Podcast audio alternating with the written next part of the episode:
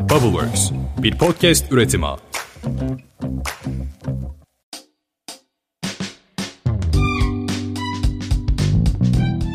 Selamlar. Podcast Boşlara hoş geldiniz. Ben Seha. Ben de Atakan. Bugün Bubbleworks Media ve Active Ventures işbirliğiyle hayata geçirilen fintech ekosistemi için çok değerli olduğuna inandığımız 4 bölümlük bir seriye başlıyoruz.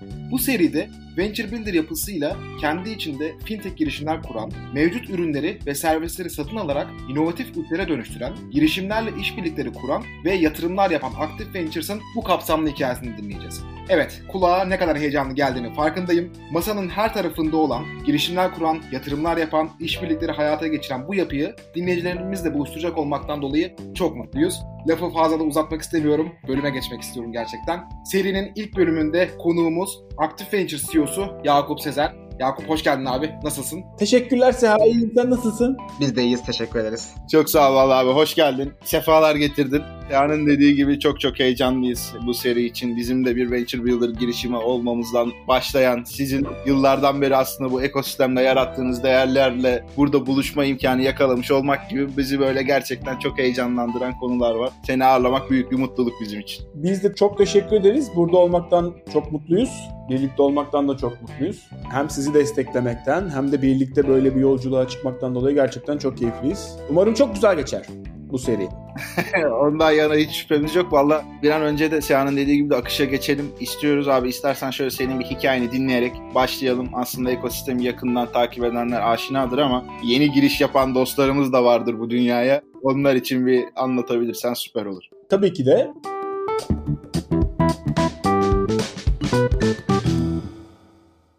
Yakup Sezer şu an itibariyle Aktif Bank'ın bir global girişim kurucusu olan, fintech girişim kurucusu olan Active Ventures'ın genel müdürlüğü görevini yürütüyorum. 87 doğumluyum, Erzurumluyum. Yani iş hayatıyla alakalı ana gündemim aslında İstanbul'a üniversite okumak için İstanbul'a gelmemle başladı. İstanbul Teknik Üniversitesi Endüstri Mühendisi mezunuyum. 2009 mezunuyum. Yaklaşık da 13 yıldır bir fiil bir şekilde iş hayatının içindeyim. 2009'da biz Türkiye'de o zamanlar için tabii hani şu an baktığımızda çok böyle herkesin e, konuştuğu, herkesin aşina olduğu girişimler, startuplar, yatırımlar o dünyanın çok erken aşamalarıydı. Biz o zaman okuldan arkadaşlarımızla birlikte kendi girişimimizi kurduk ve ayrıldık. 4 yıl yaklaşık girişimcilik maceramız oldu. Sonra benim 8 yıl bir Albaraka Türk Katılım Bankası maceram ve bir de 3 yıl yine aynı şekilde içinde paralel Almanya Dijital Banka İnşaatı Genel Müdürlüğü serüvenim oldu. Sonra İnşa Ventures, sonra da şu an itibariyle Active Ventures. Hayatımız fintechlerle, finans dünyasıyla, bankacılık dünyasıyla iç içe. Buralarda ne yapabiliriz, nasıl değiştirebiliriz, nasıl disrupt edebiliriz? Gündemimiz hep bunlarla geldi geçti. Anladım süper. Bu arada senin Erzurumlu olduğunu duyunca Seha'nın gözleri parladı. Seha'ya devredeyim hemen. Hayatım selamlar. Havalara uçtum gerçekten. Atabaro oynamaya başladım bir anda çünkü ben de Erzurumluyum. Valla ben bilmiyorum nasıl oynanıyor da siz oynuyorsanız güzel. Geçenlerde de oradaydım. Evet, Böyle evet. bir yeniden kendini gibi hissetmişsindir şeyde. Evet, evet, çok çok iyi oldu gerçekten. Aynen süper. Abi şimdi yeniden memleket tarafını bırakıp işin konuya da geçelim istiyoruz. Şöyle, Hayır Erzurum çok gelişti diye konuşabiliriz. Ben de çalışan arkadaşlarım çok yakından bilirler. Bizim Erzurum'da bir çift fabrikası kurma hayalimiz var. Onu da dipnot olarak belirtelim. Buna ekstra konuşalım Evet. bence. Süper. Vallahi abi şöyle zaten hani dediğim gibi uzun zamandır takip edenler seni biliyordur ama şöyle güzel bir kesişim var ortada. Günümüzde bunun değeri daha da iyi anlaşılıyor. İşte hem girişimcilik ekosisteminde kendin bulunmuş olmanın hem de kurumların böyle inovasyon süreçlerinde de bulunmuş olmaktan gelen önemli bir deneyim var. Burada bu deneyimi yaşamak aslında nasıl bir şey, bu yolculuğa nasıl adım atılıyor? Biraz bundan bahsedebilirsen çok seviniriz. Çünkü sebebi de şu, bizim de dinleyicilerimizden çok fazla bize şey diye yazanlar oluyor. Ya ben girişimciyim ama kurumsalın içerisinde de bu süreçleri nasıl deneyimleyebilirim veya bir kurumsal firmanın içerisinde işte bu tarz bazı yeni projelerde bulunuyorum ama girişimciliğe de adım atmak istiyorum. Dolayısıyla bu kesişimi yakalama ile ilgili bir arayış var. Senin buradaki yolculuğun nasıl oldu? Buradakilere neler tavsiye edersin bu yola girmek isteyenlere gibi birkaç yorumunu da alırsak süper olur. Tabii ki. Aslında benim biraz daha bu tarafta yolculuğum baktığımızda kurumsal inovasyon dünyasıyla ilgili oldu ama yani içinde e, bireysel olarak da hani girişimcilikten başlamış, kurumsal hayata dönmüş, kurumsal hayattayken girişimci olarak ayrı bir yolculuğa çıkmış, onu tamamlamış. Aynı zamanda ve son dönemine de yani Venture Builder bizim burada kurduğumuz yapı biraz kurumsal ve fintech girişimcilik arasında bir yapı. Sonrasında buraya dön, dönmüş, dönüş yapmış bir aslında yolculuğumuz var bizim. Şimdi e, şeye baktığımızda bu girişimcilik ekosisteminde ve kurumların inovasyon süreçlerinde bu işler nasıl ilerliyor, nasıl oluyor? Tabii şey çok yani hani e, bu dünyada neler yapmak isteyen, bir şeyler yapmak isteyen arkadaşlara pek tabii yorumlarımız olacak ama ondan önce bir biraz şeyden bahsedebilirim. Yani ben hem girişimcilik dünyasını çok uzun dönem ve acılarla deneyimlemiş bir insanım. Yani biz kendi girişimimizi yaptık. O zaman çok erken bir aşamaydı. Açık inovasyon diye bir 2009'da platform kurduk. 4 yıl boyunca onu satmak için, büyütmek için Türkiye'nin ilk açık inovasyon platformuydu. Sonra zaman içerisinde bir inovasyon ajansına döndü ama hani B2B iş yaptığımız işte 24 bin üyesiyle büyük şirketler için inovatif fikirler ve projeler geliştirdiğimiz çok tatlı bir projeydi. Ama tabii biraz zamanının çok erken başlamasında yani Türkiye henüz böyle bir platformu projeye hazır değildi belki. Çok zorlandığımız bir Abi iş. merak ettim ne zamandı gerçekten açık inovasyon daha bugün bile halen daha oturtamamış pek çok kurum var. Erken deyince merak ettim tam ne zamandı acaba? 2009'da başlayıp 2013'te andırdığımız bir girişimdi bu. Yani 4 yıl boyunca survive etti. Yani bayağı Tabii biz orada şeyi öğrenmiş olduk. Yani biz okuldan mezun olduğumuzun ikinci günü kendi şirketimizi kurduk. Sanayi Bakanlığı'ndan, Bilim Sanayi ve Teknoloji Bakanlığı'nın o zamanlar Tekno Girişim diye bir ilk program çıkmıştı. Onu alarak kurmuştuk. Yani ilk fonlamamız Seed Capital devletten gelmişti 100 bin TL. Onunla kurmuştuk. E, ve onu 4 yıl boyunca bir inovasyon ajansı dediğimiz yani inovasyon yazılımları üreten, danışmanlık hizmetleri veren, eğitimler veren platform dönüştürmüştük ama tabii hala çok zorlandığımız bir dönemde ve yorulduğumuz bir dönemde de kapattık. Yani biz girişimciliği diplerine kadar, derinlerine kadar yaşamış bir ekibiz ve girişim o zaman yaptığımız işte her ne kadar e, girişimcilik olsa bile B2B bir iş olduğu için çok sayıda şirketin içinde bulunması gereken, çok sayıda şirket ortak çalışmamızı gerektiren bir durumdu. Ve dolayısıyla kurumsal dünyanın içindeydik ve onlara danışmanlık hizmeti vermeye çalışıyorduk. Şimdi bu bir müddet sonra burayı iptal edip biz normal kurumsal hayata geçtiğimizde aslında aralar arasında yani inovasyon babından ya da geliştirme babından çok büyük farklılıktan olduğunu görmüş olduk. Şimdi ben tabii 4 yıl kendi girişimim, 8 yıl bir fiil bankacılık kariyerimde şunu çok yakından deneyimleme imkanım oldu ki çünkü biz ya mesela bankada ben kısaca bahsedeyim ya stratejide başladım. Proje yöneticisi olarak başladım. 3 yıl sonra iş mükemmelliği inovasyon biliminin başına geçtim. Bütün süreç, organizasyon işleri, ya inovasyonla alakalı, iş geliştirmeyle alakalı bankadaki bütün fonksiyonları yönettim ve en sonunda e, hem inşa Almanya'daki Dijital Banka'nın başına geçtim hem de Venture Builder'ın başına geçtim. Toplamda 16 tane büyük projeyi, fintech'i kurmuşuz, hayata geçirmişiz, büyütmüşüz bu son 3 yıl içinde diğer taraftaki işte. Hani bir solo olarak bir işi nasıl hayata geçirirsin? Girişimci olarak, serbest olarak, özgür olarak bu işi nasıl hayata geçirirsin deneyimleme. Bir de bunu kurumsal tarafta deneyimlemeyi de çok hani yakından gördük. Birbirinden çok bambaşka iki farklı dünya yani birisi Mars, birisi Venüs. Ee, aralarında çok fark vardır. Yani onu girişimcilik ruhu biraz böyle karakterle alakalı bir konu yani benim gördüğüm. Bazı insanlar akıyorlar yani o öyle olmak zorunda. Onun dünyası o, karakteri o. Yani o kurumsal bir hayatta da başlamış olabilir şeyine, kariyerine. Ama o bir müddet sonra o artık oradaki dünya onu kesmiyor. Çünkü kurumsalın sınırları var. Kurumsal yavaş. Kurumsalın organizasyonu var. Karar almak hızlı değil. Yani onlarca farklı insanı onlarca farklı şeyi anlatıp ikna etmen gerekiyor. Evet güçlü yani büyük bir yapı, büyük bir bütçe yapısı var. Yani kendi girişiminizi kurduğunuzda fon aramak zorunda kalırsınız. O da sancılı bir süreçtir ama en azından özgürsünüz. O özgürlük hissiyatı çok farklı. Yani ben bankada çalışırken bazen şeyi hissediyordum. Açık inovasyondan bankaya geçtiğimiz günlerde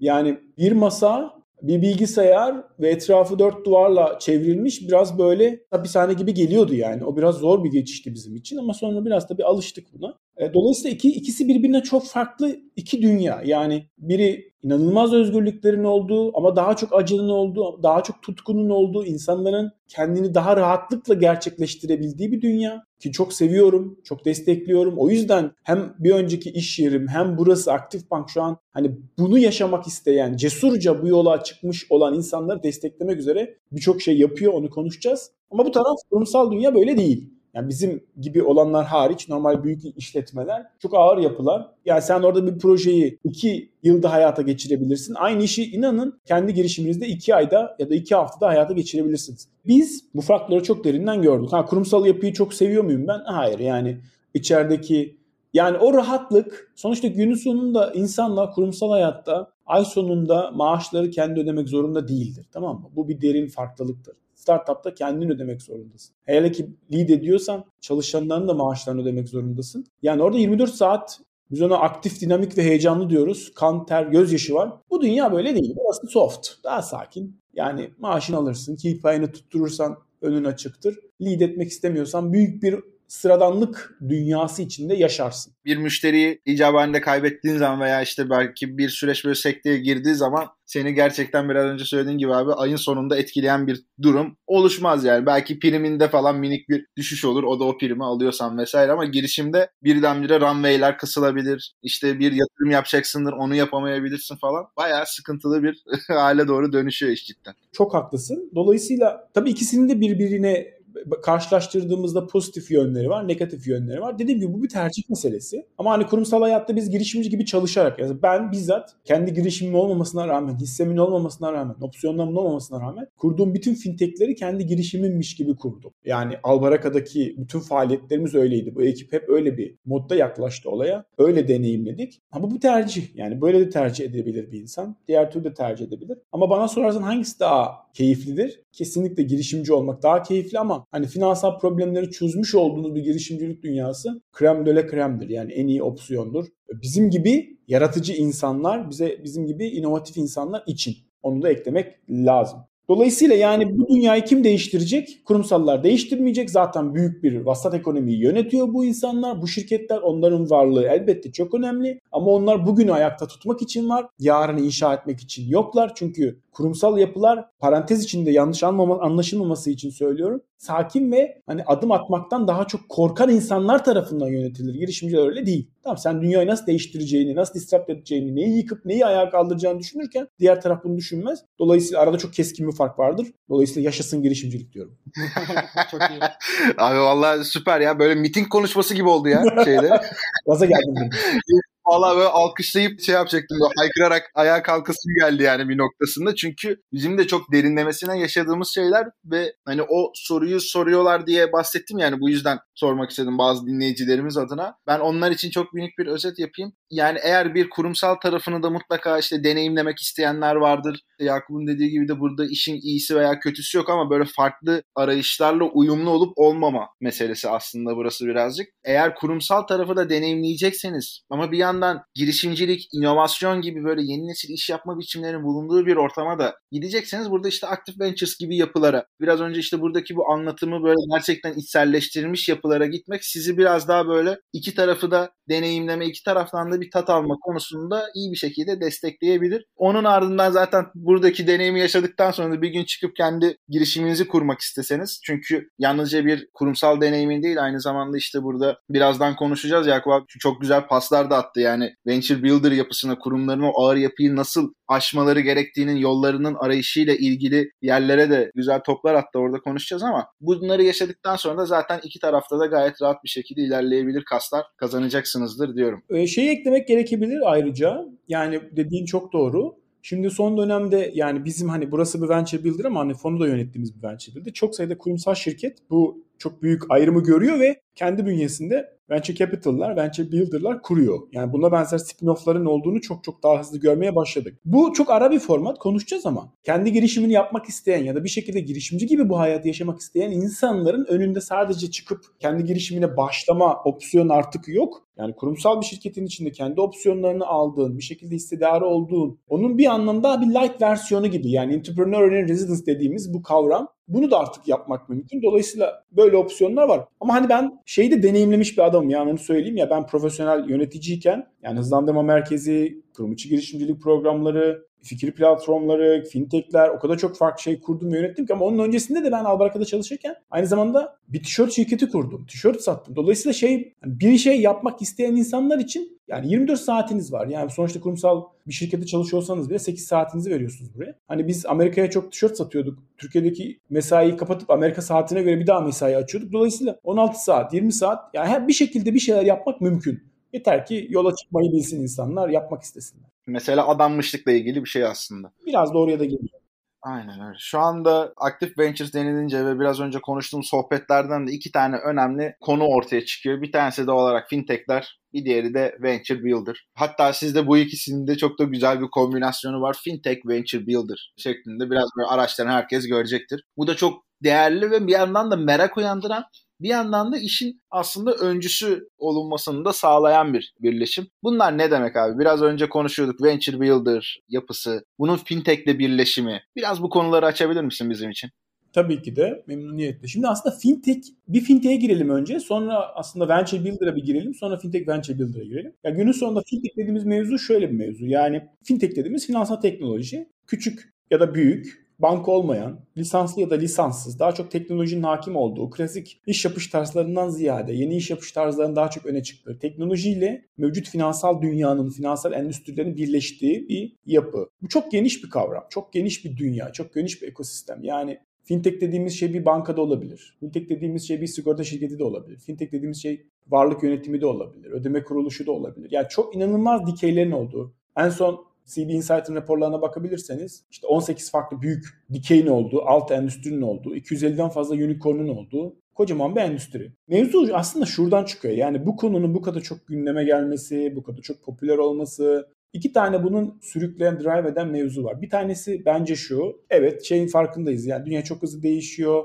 Teknolojik adaptasyon çok hızlı bir şekilde ilerliyor. İnsanların cebine bugün olmadığı kadar çok farklı imkanlar girmiş durumda. İnsanlar artık bütün hizmetleri zamandan ve mekandan bağımsız olarak kendi yanlarında almak istiyorlar. Böyle bir sosyolojik bir değişim var dünyada. Şimdi finans dünyası, bankacılık yani bu baktığımızda 600-7 yıl, 100 yıllık bir kurumsallık evresinden geçmiş ve bugüne ulaşmış bir dünya. Özellikle bu son dönemde kendi çok hızlı değişiyor ama yani nereye geldiğimizi bilmek adına söyleyebilirim. Yani biz cadde bankacılığı dediğimiz konsept, onun dijitalleşmesi, önce oradan başladı çünkü mevzu. Onun bir şekilde hani asıl drive eden bankacılığı biraz da oradan gireyim şubelerdi. Şimdi bu şube yapısı, şube bankacılığı yapısı işte sanayi devrimiyle birlikte ortaya çıkmış. Yani fabrika var. Fabrikanın yanında işçilerin ne bileyim ihtiyacını görebileceği market de var, berber de var. O cadde üzerinde bankada olmak zorunda çünkü yoğunluk orada. Eski dünyanın eski iş yapış tarzı oradan doğan bir model. Tabii daha çok çok öncesi de var ama hani kurumsallaşmaya başladığı nokta burası. Şimdi bu dünya 2000'lere kadar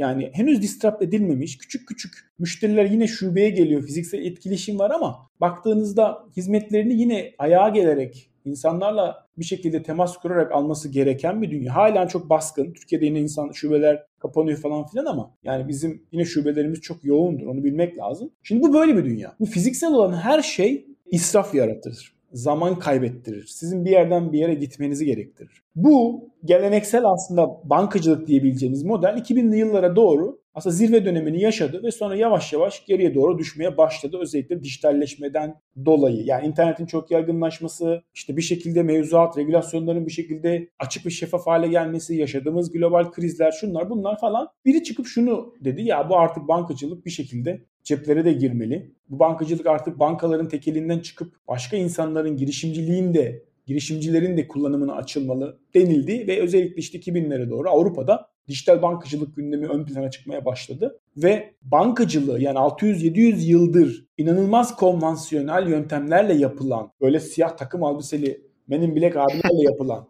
bu bu endüstriye şortlu, tişörtlü arkadaşların girmesi sağlandı ve biraz böyle bu işin kanı değişmeye başladı. Tabii yani hani baktığımızda finansal olarak evet ciddi değişiyor. Bankaların kar marjları düşüyor. Fintechler bankalardan ciddi pazar payı çalıyor. Hani fintechten çok ciddi yükseldiğini görüyoruz. Yani global bir sürü farklı rapor inceleyebilirsiniz. Onu çok rahat görüyorsunuz. Yani bankalar pazar kaybediyor, fintechler yukarı çıkıyor. Çünkü bankanın başladığı yerle fintech'in başladığı yer aynı değil. Yani banka da bankacılık hizmeti veriyor diyelim. Fintech de bankacılık hizmeti veriyor. Ama biri müşterinin ihtiyacını anlayıp onun üzerinde bir dünya kurarken biri mevcut iş modelleri üzerinde ilerliyor. Biri müşterinin sorunlarını nasıl çözebilirim, onu nasıl iyileştirebilirim diye belki düşünüyor. Biri onu nasıl disrupt ederim, onu komple nasıl kökten yok ederim diye düşünüyor. Bu az önce kurumsal hayatla girişimciliği tartıştık ya. Buradaki dünya da bu kadar farklı, bu kadar keskin. Onu bilmek lazım. Yani regülasyonlar yine aynı. Belki kanallar yine ayrı ama özellikle Avrupa'da buradaki iş yapışlarının çok farklı olduğunu görmekteyiz. Bu Türkiye'de geliyor. Şimdi şunun için önemli fintech mevzusu. Caddelere yani çıkıyorsunuz pandemiden sonra gördünüz. Pandemi mesela bu işi çok hızlandırdı. Şubeler çat diye kapandı. Kimse gidemedi. Çok hızlı bir şekilde Türkiye'deki bankacılık endüstrisi işte uzaktan müşteri edinimiydi, açık bankacılıktı, servis bankacılığı gibi inanılmaz regülatif düzenlemelerle bu işin önünü açtı. Ama şu mesela hala bir problem. Türkiye'de de problem. Onu görmüşsünüzdür. Şimdi insanlar işlemlerini yapmak için sabahın 9'unda gidin görürsünüz devlet bankalarının önüne. Orada bekliyor insanlar. Yani hala bu yüzyılda bizim insanımız sadece değil Avrupa'da da Almanya'da da çok gördüm bunu. Şubenin önüne gidip şubenin açılmasını bekliyor. İnanılmaz kuyruklarda hala sıra bekliyor. Yani bu pürüzlü bir deneyim. Acı verici bir deneyim. Aslında oradaki bütün işler, bütün hizmetler cep telefonunda inanılmaz formatlarda var. Dolayısıyla bizim Fintech'in başladığı yer bu acıları dindirmek. Ya adam oturduğu yerden evine yemek sipariş veriyorsa bankacılık işlemlerini de alayını halledebilir. Bir yere gitmesine gerek yok. Çok özet veriyorum tabii bunu ama böyle bir geçiş. Şimdi bu fintech hani bizim inandığımız yaşasın girişimcilik dediğimiz konsept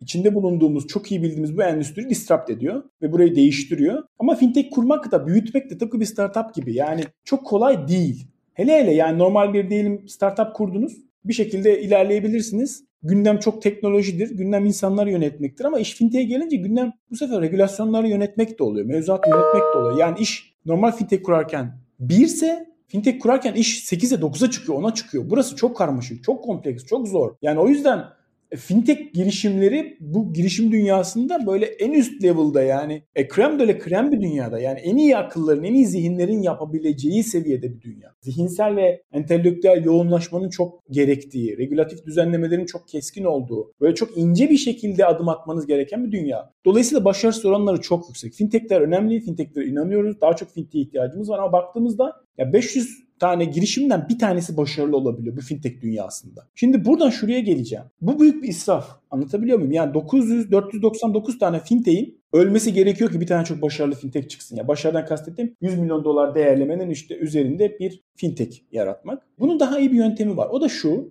Yani biz serbest stil geldik iki tane arkadaş abi dedi ki benim ben bir dijital banka kurmak istiyorum ya dedi. Hadi kurduk. 500 taneden 499 tanesi ölüyor. Ama bunu hani bir kurumsal yapının içinde daha fintechmiş gibi, daha fintech yaklaşımlarıyla venture builder diyoruz ona. Yani neyi nasıl üreteceğini bilen, regülasyonu bilen, büyümeyi bilen, teknolojiyi çok iyi bilen ama bir girişimmiş gibi, startupmış gibi de hareket edebilen bir yapının içinde yaptığınızda bu benim çok sevdiğim bir araştırma, HBR'ın yaptığı bir araştırma. 8'de 1'e düşüyor bu oran. Dolayısıyla bu biz ona fintech... Ciddi bir düşüşmüş ya. 8'de 1 evet. Çok büyük bir başarı gibi var. Çünkü bizde bir işin başarılı olması başarısız olması çok zor. Çünkü biz onu ya pivot ederiz ya indiririz kaldırırız böyle çekeriz şöyle çekeriz götürürüz. Yani bu yapı insanların mesela ben o kadar çok fintech girişimiyle bu son 2-3 yıl içinde buluştuk yani yüzden fazla belki. Biz fintech yani normal kurumsal şirket değil bir araya gelmişimdir. Hepsinin ortak acısı şu. Bekliyorlar. Regülasyonu bilmedikleri için bekliyorlar. Teknolojiyi bilmedikleri için bekliyorlar. Bir şekilde bir problem var. O yetkinlikte değiller. Yani Bankacı değil çünkü bunlar. Anlatabildim mi? O deneyim yok. Dolayısıyla başarısız olmaya daha yakınlar. Biz istatistik olarak daha çok böyle bir problem var. Şimdi burada büyük bir yine israf var. Biz diyoruz ki yani o fintechle başarılı olan fintechler arasında devasa bir boşluk var. Dolayısıyla fintech'ten öte venture builder modeli yani bu biraz daha yani gerçekten bir bilimsel bir yöntemle fintech kuran ya da fintech demeyeyim girişim kuran yani nasıl kuracağını bilen bir banttan üretim yaparmış gibi ya bir zanaatın bir sanatçının bir tasarımının bir şey inşa etmesi yaratmasıyla bir fabrikadaki o prosesi düşünün birbirine çok farklıdır. Evet onunla bunu biraz daha birleştiren ve ortaya seri olarak fintechler kurabilen o bandın profesyonel olarak fintech kurmak üzere, inşa etmek üzere, büyütmek üzere tasarlandığı, risklerin daha düşük olduğu, bütçelerin daha yüksek olduğu bir yapı. Şimdi Venture Builder böyle bir yapı. Yani burası bir girişim fabrikası öyle söyleyeyim. Bununla fintech'in birleştirdiği yerde aslında fintech venture builder. Yani biz fintech kuran, profesyonel olarak kuran, bunu büyüten, bunu yöneten, kendi içimizdeki bütün organizasyonumuzun bunun üzerine kurulduğu yani kolumuzu kesseniz inşa etmenin, büyütmenin, dijital bankacının aktığı, bununla yaşadığımız ama kurumsal gibi takılmadığımız, özgür bir şekilde özgürce inşa ettiğimiz, ilerlediğimiz bir yapı. Hani Venture Builder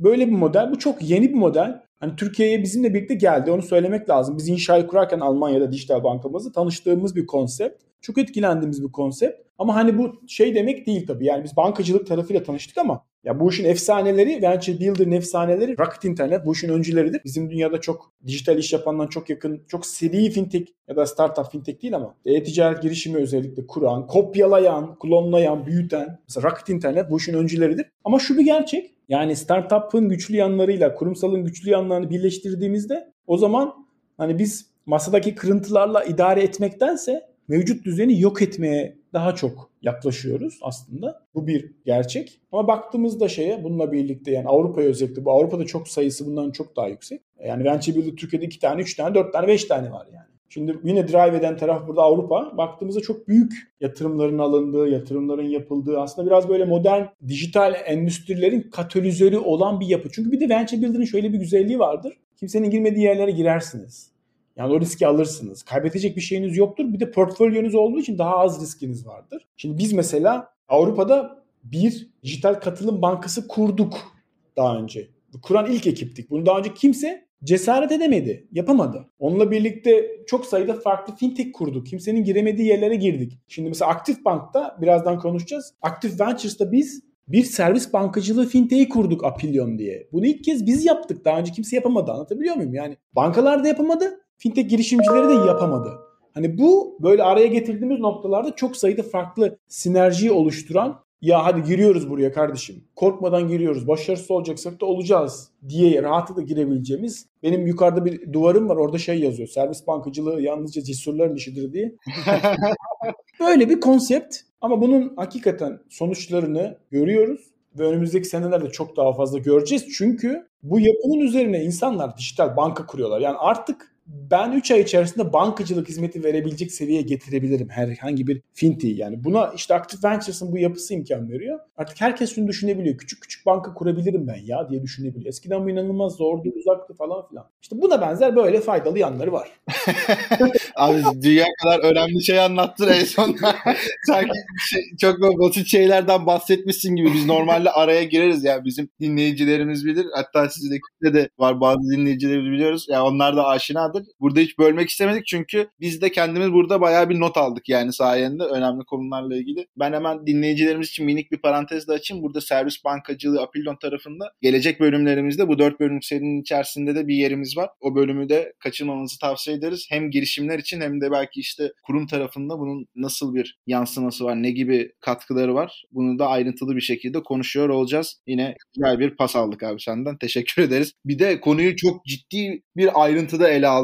Yani fintech tarafının da hem o tarihsel gelişiminden o dönüşümüne, o kırılma noktalarına hem de bunun Venture Builder'la birleşiminde çok güzel bir özet yaptın. Hatta biz de bunu işte Goin'in içerisinde bu Bubbleworks Medya'yı daha önce kurmadan önce şeyi çok güzel yaşadık. Dediğin gibi orada bir halihazırda bir portföy var içeriklerimizi işte çeşitli firmalarla beraber test etme, onlarla beraber yayınlama, kanallar açma fırsatını çok daha güvenli bir alanın içerisinde aslında deneyimleme fırsatımız oldu ve işte onun ardından da iş belli bir hacme ulaştığında dedik ki tamam evet buradan bir yatırımımızı da alalım Goin'den. Onun ardından işte çıkalım ve artık dışarıda yine buradaki desteklerin de devam ettiği bir şekilde bu yapıya doğru gidelim. Sizinki bunun daha da böyle aslında kapsamlı bir halinden çok daha böyle geniş bir gücü arkasına alan bir yapıdan bahsediyorsun. Çok değerli bir şey. Bu noktada da aklıma şu geliyor geliyor. Aslında bu işin değerini anlamış durumdayız ama kurumlar için bir de çalışanların da bakış açısından içerideki kişiler için bu iş neden önemli? Maddi manevi böyle sağladığı katkılar, kariyer açısından sağladığı katkılar, kurumun büyümesine olan katkılar biraz onlarla ilgili de yorumunu alabilirsek çok seviniriz.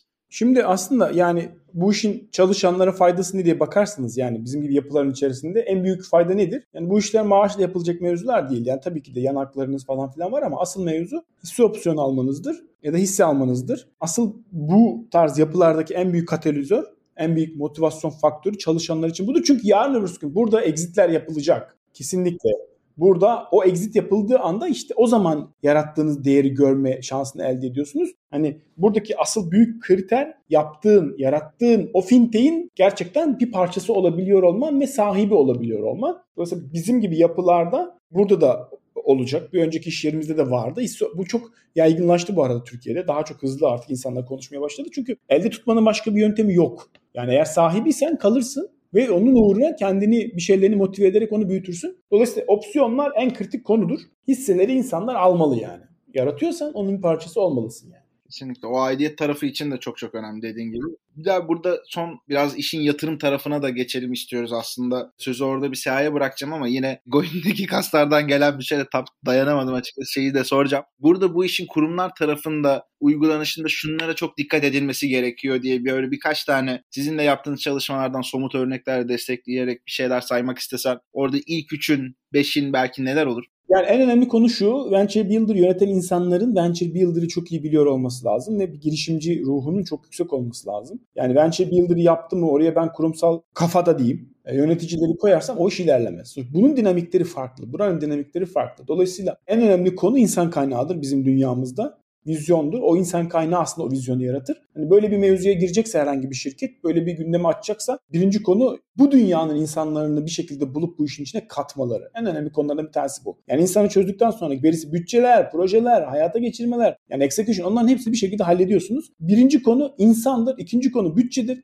Yani çok cimri davranmamak lazım. iyi bütçeler vermek lazım. Çünkü burası büyük bir değer yaratır yani. Buraya 10 milyon koyarsınız. Yarın üstüne exit ettiğinizde 500 milyon indirirsiniz. Bu böyle bir dünya. Bütçeler tarafında cimri olmamaları gerekir ve onda çalışanlarına yansıtmaları gerekir. Bu belki çok böyle hızlıca ilk 3 denilebilir. Tabii bir de şey kritik yani kurumsal yapıların içinde yani hani çok büyük savaşlar vardır tamam mı? Çok büyük politik gündemler vardır. Çünkü Venture Builder organizasyonunun ya da spin-off'ların ya da küçük parçacıkların bizim gibi bu gündemlerin dışında tutulması gerekir. Anlatabiliyor muyum? Dolayısıyla burada bu işi yapacak olan şirketin en üst düzey yöneticisinin bu işe hassasiyetle ve özel bir bu bir şey yani büyük bir ağaçsın yanında küçük bir filiz çıkıyor. Ya senin küçük bir sallanman onu öldürebiliyor anlatabildim mi? O gerilimlerden, o politik gündemden ayrı tutulmalı ve özel olarak ilgilenilmeli bu işin büyütülmesi için. Biz burada bunu yapıyoruz. Büyük ağacın gölgesinde olmalı ama kendisi de bağımsız bir şekilde köklenip büyüyebilmeli gibi bir özgürlüğünün olması lazım öyle değil mi? Evet ya bunu böyle söyleyebiliriz evet.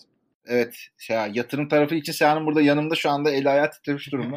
ee, çok da bizim de takip ettiğimiz, sevdiğimiz değerli girişimlerle olan işbirlikleriniz, yatırımlarınız da var. Evet Seyhan daha artık kendimi susturup sözü sana bırakıyorum.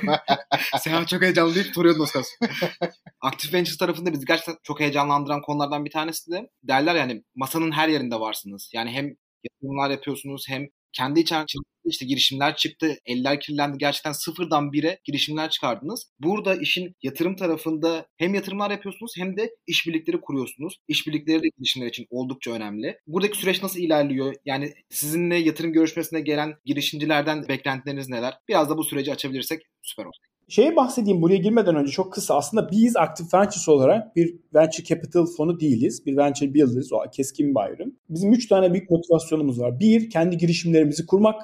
Fintech girişimlerimizi kurmak. İki, başkaları kendi fintech girişimlerini kursun diye bütün altyapımızı, kabiliyetlerimizi ne varsa onlara vermek. 3. Kurmuşsa, büyütmüşse ya da bir şekilde yola başlamışsa başka fintech girişimlerine yatırım yapmak. Dolayısıyla 3 tane bizim ana iş alanımız, gövdemiz var. Şu an 4 tane fintech yönetiyoruz aslında biz. 4 inisiyatifi yönetiyoruz. Bir tanesi Mindvest. Şimdi ondan bahsedeceğim. Bütün yatırımlarımızı Mindvest çatısı altında yönetiyoruz. Mindvest bir yatırım fintech gibi hani ilerleyen, modellediğimiz bir oluşumumuz. Mindvest. Apillion diye bir fintech'imiz var. O servis bankacılığı platformu başkaları gelip kendi bankasını, kendi fintech'ini kursun diye bir yarattığımız bir API sandbox. Onu zaten daha sonraları derin gireceğiz, konuşacağız. Yine bir dijital bankacılık girişimi üzerine çalışıyoruz da biz kendi girişimimizi kuruyoruz. Dijital bankacılık girişimimizi kuruyoruz. Bu bir ticari girişim, dijital bankacılık. Bunu yine daha sonra konuşacağız. Bir de mobility ile alakalı bir Connected Mobility Super App dediğimiz bir format üzerine çalışıyoruz. Hani dediğin çok doğru. Mutfaktayız. Kollarımızı sıyırmış durumdayız ve dibine kadar da yemek mevzusuna girmiş durumdayız. Yani sadece servis yapmıyoruz. Servis yapana para vermiyoruz. Şimdi dolayısıyla bu yatırım tarafına geliyorum. Mindvest tarafında şöyle bir dünya yaratıyor bize. Ben önüme gelen insanın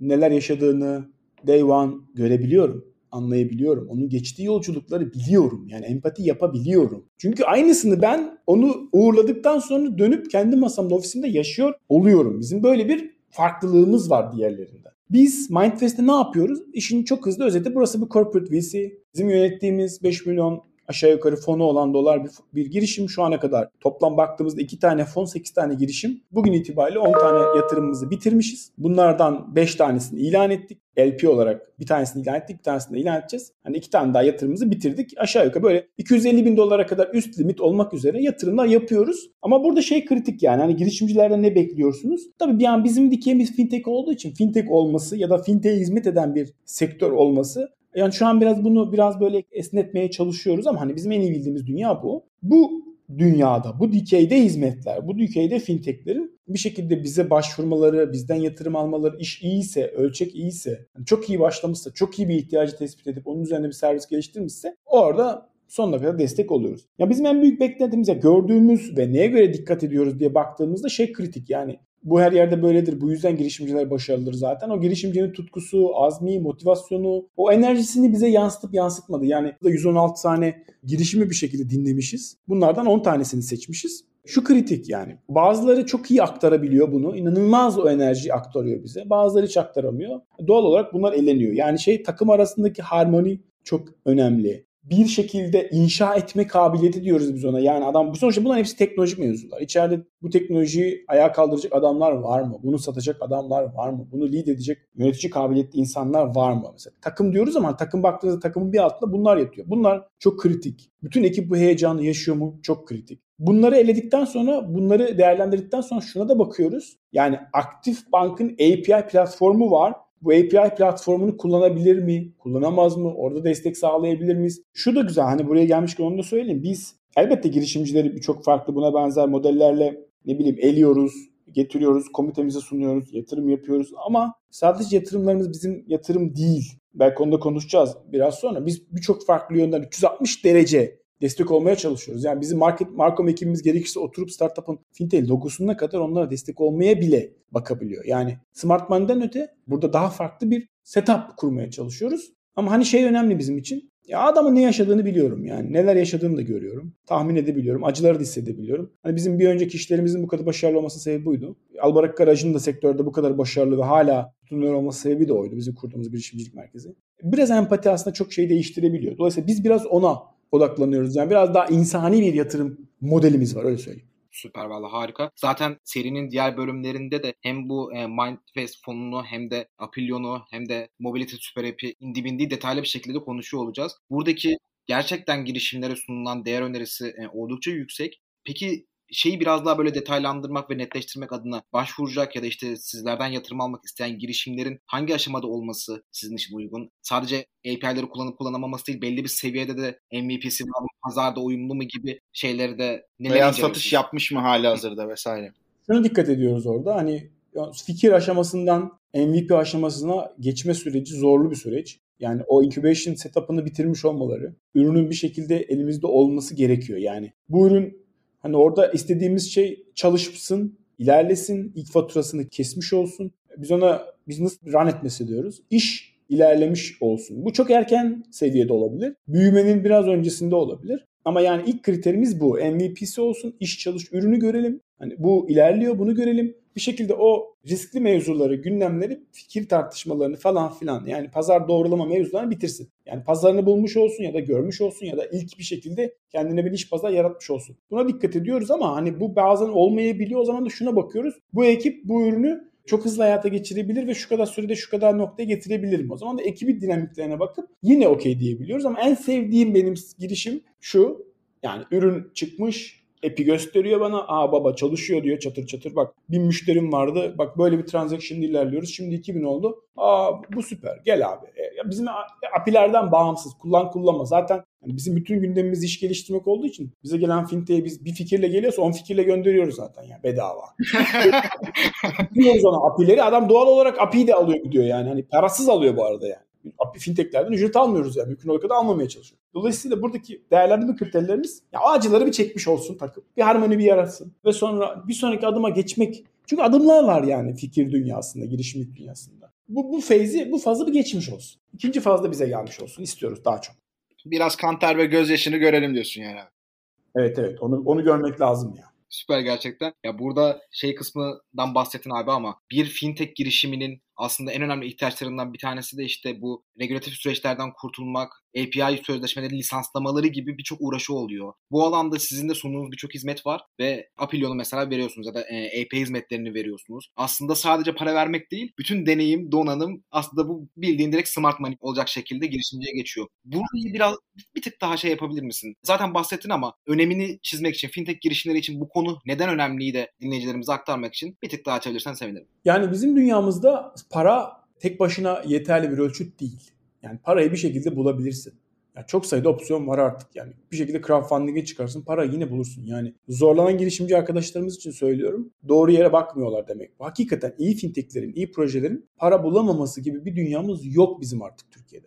Yani şu anki şartlardan, bu ekonomik durumdan bağımsız olarak söylüyorum. Ama fintech mevzusuna gelince iş aslında orada bitmiyor. Yani bir şekilde buldun, MVP çıktın, 250'yi aldın, cebe attın, yardırıyorsun. Şimdi fintech dediğim mevzu lisanslarla korunan bir mevzu. Yani senin öyle ya da böyle bir lisans alman lazım. Yani bir ödeme hizmeti vereceksen ödeme kuruluşundan lisans, ödeme kuruluşu lisans alman lazım. Baba iş lisans mevzusuna gelince hop bir buçuk yıl iki yıl gider verirsin milyonlarca TL olmadı. Geriye düştü. Bunu çözmek lazım. Ne bileyim bir e-para işi edeceksin, kart basacaksın, e-parayla anlaşman lazım. Lisans hani lazım. Alamazsın zaten verilmiyor ya da uzun sürüyor. Hop geriye düştü. Ya da bir dijital bankacılık setup'ı kurmak istiyorsun. Onu yapmak istiyorsan zaten bir buçuk milyar TL vermen lazım. Zaten nefesin yetmez ona. Şimdi bu regülasyonlarla korunan, lisanslarla korunan bu tarz endüstrilerde daha kolay yöntemleri var bu işin. Parayı aldın. İşte o yüzden Apilion çok kritik bir fintech ya stratejik bir fintech. Yani insanların rahatlıkla 3 ay içerisinde hiçbir şekilde lisans mevzularıyla uğraşmadan Apilion ekibi senin adına bütün lisansları zaten lisans mevzularını hallediyor. Seni arayüz sağlayıcısı yapıyor ya da temsilci yapıyor.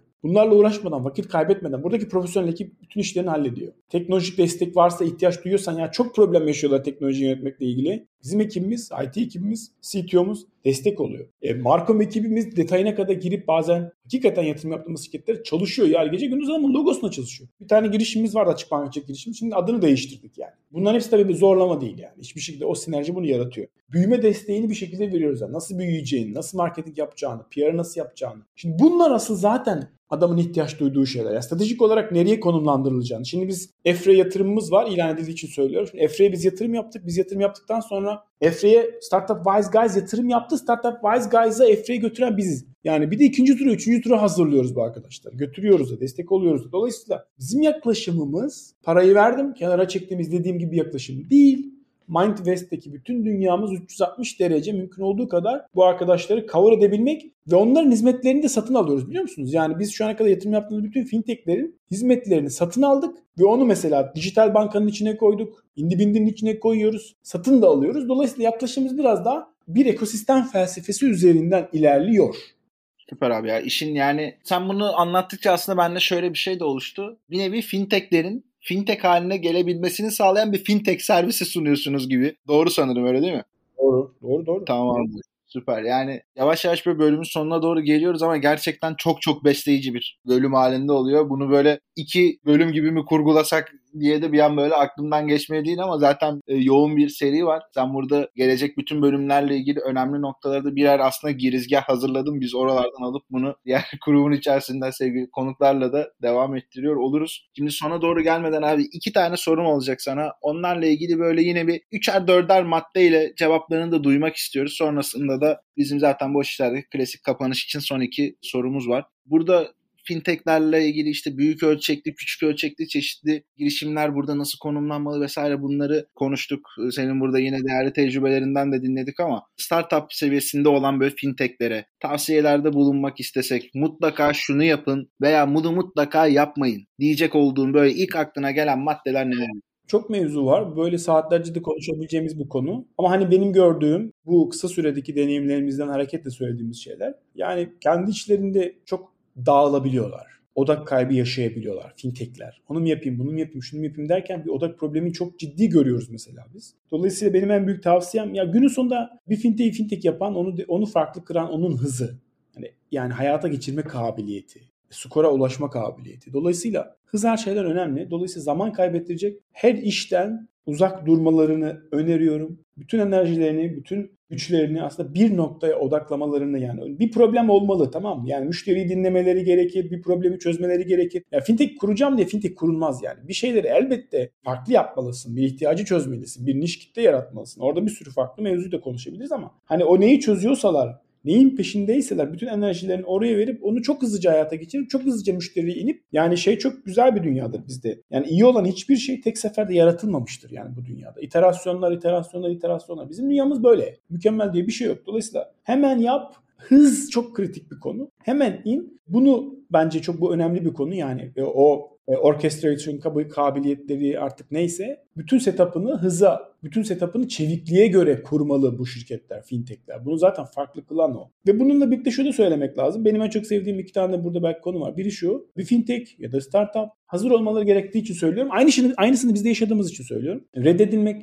hani yeniye karşı verilen bir tepkidir. Bizim toplumumuzda daha çok vardır bu. Dolayısıyla onu da hani bilsinler. Çok reddedilecekler. Çok moralleri bozulacak. Ya biz bile şu an 50 tane farklı konuyu işlerken başka yerlere başka türlü satış yapmaya çalışıyoruz. 50 tane red diyoruz. Bunu bilsinler. Ya bu inovasyonun doğasında olan bir koldu. Reddedilecekler. Acı çekmelerine biraz acı çekecekler. Buna hazırlıklı olmalarını öneririm. Bir de yani sonuçta kalem tek kişilik bir alet. Bir şeyler yaratacaksalar yalnız çalışmalarını öneririm.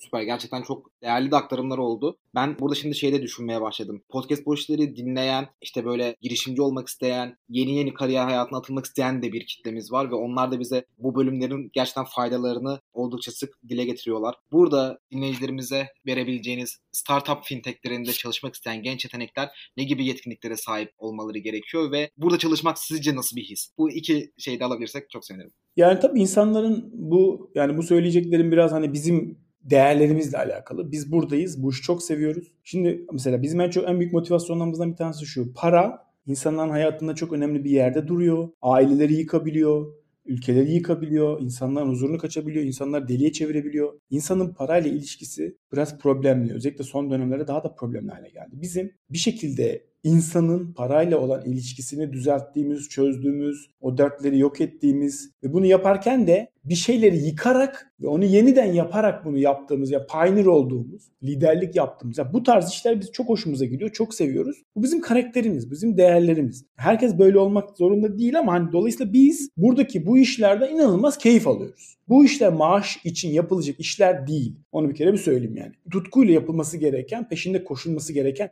işler. Dolayısıyla mesai saatleriydi, şuydu buydu. Hani zamandan ve mekandan bağımsız. Biz öyleyizdir yani. Böyle belki arkadaşlarım bunu çok sevmiyor ama yani bizim Slack grupları açıktır. Saat o gecenin 12'sinde de bir şeyler yazılır, bir şeyler konuşulur, bir şeyler tartışılır. Böyle olmak zorunda. Bu dünya biraz böyle. Yani aktif, dinamik, heyecanlı ama aşk da var, kan da var, gözyaşı da var, nefret de var. Böyle kaotik bir şey. Yani böyle delilerin biraz daha hani böyle tahayyül. Abi sanki resmen film, film anlatıyorsun ya şeyde.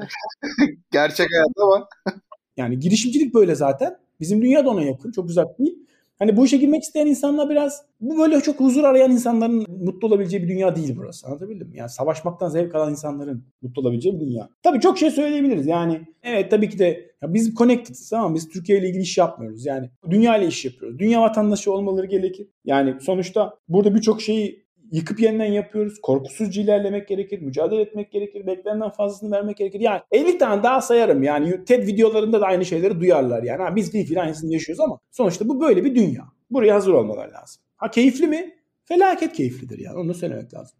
Süper Süper valla. Gerçekten böyle coşkuyla ben de siz söyledikçe e, Atakan'la böyle işte savaştığımız günler aklıma geliyor. Halen daha savaşıyoruz zaten. Oldukça da mutlu oldum bu cevap için. Eminim dinleyicilerimiz için de çok faydalı olmuştur. Podcast boş işlerin biz sonlarına doğru yaklaştıkça iki tane her konuğumuza sormuş olduğumuz bir sorumuz oluyor. Burada ilk aşamada sizden dinleyicilerimize tavsiye edebileceğiniz bir hobi, metodoloji, kitap önerisi olabilir, podcast olabilir, film olabilir. İlla girişimcilikle de ilgili olmasına gerek yok. Zaten harika şeyler anlattınız girişimcilikle ilgili. Hayatınızı değiştirdiğini düşündüğünüz bir öneri alabilir miyiz? Sen bunu sorunca aklıma geldi. Allah dedim ben neyi seviyorum acaba? Benim hobim neymiş? yani hiç kalmamış.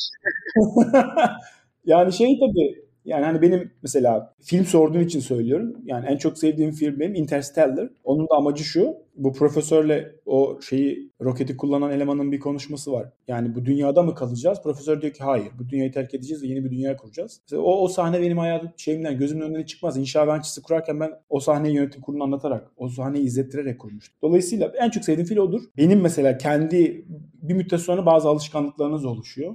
Ben mesela bir medium manyağıyım yani. O, oradan çıkamıyorum. Yani boş vakitlerimde sürekli medium'da bir şeyler okuyan. Yani o da beni anladığı için sürekli sevdiğim şeyleri veriyor. Sürekli sevdiğim şeyleri veriyor. Orası sizin Instagram'ınız oldu artık. Ha, ben evet yani Instagram'da yokum ben. Oralarda yokum. Orası biraz öyle. Sürekli okumaya çalışıyorum. Beslemeye çalışıyorum. Hani oradan besleniyorum. Kitap okumaya çok vaktimiz kalmayabiliyor ama Storytel hayranıyımdır. Son dönemlerde keşfettiğim, sürekli dinlediğim bir platform. İşte Audible Orayı da çok sıklıkla kullanıyorum, dinliyorum. Ben hani benim gün şeylerim yani iş haricindeki mevzularım biraz bunlarla geçiyor. Öyle çok e, ekstrem hobileri olan bir insan değilim. Var yapmak istediklerim ama şu an vakit yok. Metodoloji olarak ben boş kağıda boş şeyler yazmayı çok seven bir adamım. Sürekli kendim bir şeyler yazarken buluyorum. Kendimi tutamıyorum. Yani şu an bile bir şeyler yazabilirim. Yazıyorum galiba.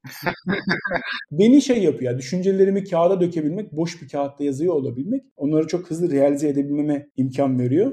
Böyle bir tarzım var kendi içimde. Bir de şey söyleyebilirim belki. Biz çok hızlı hayal edip o hayali ileriye gidip o hayali yaşayıp geri gelen bir ekibiz. Ya gelecek olumlaması diyoruz buna. O da bu dünyanın fintechler için çok güzel bir ya da bizim insanlarımız için çok güzel bir öneridir. Çok mutlu ettirir. Yani sen bir şeyi hayal ediyorsan işte 2 yıl sonra, 3 yıl sonra, 5 yıl sonra orada bir başarıyı git ileride o başarıyı yaşa, gözünü kapat. O an 1 milyonuncu müşteriyi kutladığımız partide kendini hisset. Oradaki açılış konuşmanı yap ve geri gel. Ben bunu çok yaparım. Çok hızlı, çok çok sık yaparım. Bunu da yapmalarını öneririm fintech ya da girişimci arkadaşlarımıza. Abi hobiyle ilgili demin çok fazla bir hobim yok falan dedin ama senin sıradan hobilerin yok. Yani onu söyleyeyim. Dinleyiciler de bana katılacaktır diye düşünüyorum. Yani işte yok da şey okuyorum basketbol oynuyorum boş zamanlarda arada polise gidiyorum falan. Yani öyle onlar rutin onları duyuyoruz ama hayal kurmak, denemek, yanılmak, ve bu yanılgılardan bu sahada yapmış olduğun şeylerden öğrenmek ve hatta belki bir ölçüde de fintech girişimi kurmak abi. 16 tane diyorsun yani kolay değil. Ona bu kariyer yapmanın ötesinde olan bir hadise çünkü bence. Senin hobilerin sanki biraz daha buralarda konumlanmış gibi geldi bana. O yüzden biz de isterdik öyle güzel tatlı tatlı hobilerimiz olsun ama yani maalesef.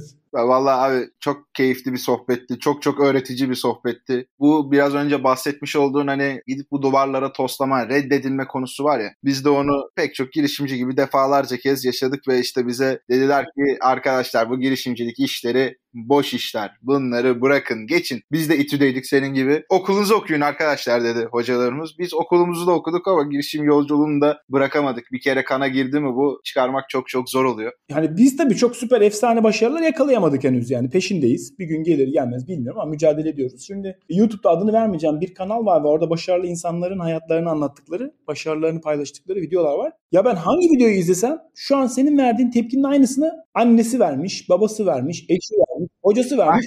Ulan adam işi yapmakla mı uğraşsın yoksa bu insanlar ikna etmekle mi uğraşsın? Adam diyor ki ya ömrümün %80'i bilmem kimi bu işi yapabileceğime ikna etmekle geçti. Baba bizim Türk girişimcilerinin böyle bir problemi var tamam mı? Avrupa'da yaşamıyorsun. Adamın dedesinin şatosu olduğu için sıkıntı yok. Parası var. Ama bizde değil yani. Memur ol diye bastırdıklığımız böyle bir sosyal problemimiz var. Yani şimdi o aklıma geldi. Dolayısıyla biz ondan başlıyoruz. Bunu bilmek lazım. Türk girişimcisi bunu bilsin. Kesinlikle. Biz de zaten bunu aynı dediğin gibi çevremizde o kadar çok kişiden duyuyorduk ki hatta İTÜ Çekirdek'teydik işte başka kuluçka merkezleri vesairede de bulunuyorduk. Ya kimle konuşsak benzer hikayelerden bahsediyor. Dediğin gibi birisi işte aileden, kimisi işte çevreden, kimisi hocalarından, kimisi kız erkek arkadaşından. Her neyse yani aldığı bir sürü böyle tepkiler vardı. Biz de en son dedik ki ya bu işlere biraz nazire yapalım. Podcast'e girelim. Podcast'e girdik sonra ne dediler biliyor musun? Şimdi de şarkıcı mı oldunuz falan. Şeyde Spotify'da böyle yayınlar duyunca. Ben bunu açık inovasyonda çok iyi yaşadım. Yani her zaman yarattığın değerin, başarının üzerinde bir şey geliyor Kesinlikle yani. bir taş geliyor. Çok iyi bir şey yaparsın der ki sanatçı mı oldun? Onu da yaparsın der ki Türkiye'de mi sanatçı oldun? Bu arada sanki kötü bir şeymiş gibi yani. Gayet de iyi bir şey. Öyle keşke sanatçı olabilsem yani. Bunun sonu yok. Hep o gelecek yani. O excuse'ler hep gelecek yani. Aynen öyle. Sonra en sonunda dedik ki ya biz diyelim ki girişimcilik boş iştir deyip bir podcast kanalı hayata geçirelim. Orada derdimizi, meramımızı anlatalım. Şimdi abi burada en son kapatırken şunu merak ediyoruz. Sen de böyle bir tanımlama yapmak istesen girişimcilik nokta noktadır desen o nokta noktayı nasıl doldurursun? Girişimcilik yalnızca uyananların rüyalarını anlatabildiği bir dünyadır. Yani vallahi harika ya. Çok güzel. Vallahi gerçekten senin meeting yapman lazım. Ben onu söyleyeyim. İn, inanılmaz bir ciddi bir hitabet yeteneği var yani ortada. Çok da güzel hem olayı süsleyip hem de altını anlamlı hale getiriyorsun. Bu bizim gibi böyle podcasterlar için çok keyifli bir konuk ve sohbet deneyimi oluyor. Onu söyleyeyim. Çok güzel ya. Bunu Instagram'da hesabımıza paylaşmak için heyecanlanıyoruz ya. Buyurunuz efendim. Çok teşekkür ederim. Çok sağ olun. Çok keyifli bir podcast'ti. Umarım daha güzel günleri hep birlikte görürüz. Sizin de böyle milyonlar dinlendiğiniz günleri görürüz. Çok teşekkür ederiz gerçekten. İnşallah. Bu sefer e, hedefimiz şey, Türkiye'de en çok dinlenen, girişimcilik kategorisinde en çok dinlenen podcast kanalı olmaktan inşallah globale doğru çıkmak. Bu arada Azerbaycan'da da ya birdeyiz ya ikideyiz çoğu zaman. Oradaki kardeşlerimize de çok teşekkür ederiz. Aktif Ventures'a ve sizlere de çok teşekkür ediyoruz burada yanımızda olduğunuz için. Bu çok çok değerli bir şey. Bir yandan da bu kadar değerli tecrübeyi ve birikimi bu platform üstünden anlatıyor olmanız da hem bizler hem de ekosistemler için yani girişimcilik, yeni nesil medya, kendisini geliştirmek isteyen burada genç yetenek olan arkadaşlarımız her biriniz için çok değerli. Çok çok teşekkür ediyoruz. Ağzına sağlık abi. Ben sözü kapatmak üzere Seha'ya vereyim ama senin son varsa bir iki eklemen onları da alalım. Çok teşekkür ederim. Başarılar diliyorum. Çok güzel yerlere gelecek. Sizin işlerinizde, bizim işlerimizde mücadeleye devam. Süper harika çok teşekkürler. Ben de yavaş yavaş kapanışa doğru geçiyorum. Gerçekten bu seriyi yaptığımız için ne kadar şanslı olduğumuzu ve mutlu olduğumuzu bir kez daha dile getirmek istiyorum. Neler konuştuk, neler daha da konuşacağız. İnanılmaz böyle güzel bir enerji hissettim. Active Ventures ve Bubbleworks Media işbirliğiyle hayata geçirilen Podcast Boş İşler'de yayınlanan bu serinin ilk bölümünde konuğumuz Active Ventures CEO'su Yakup Sezer'di. Kendisine çok teşekkür ediyoruz. Önümüzdeki bölümlerde görüşmek üzere. Kendinize çok iyi bakın. Görüşmek üzere.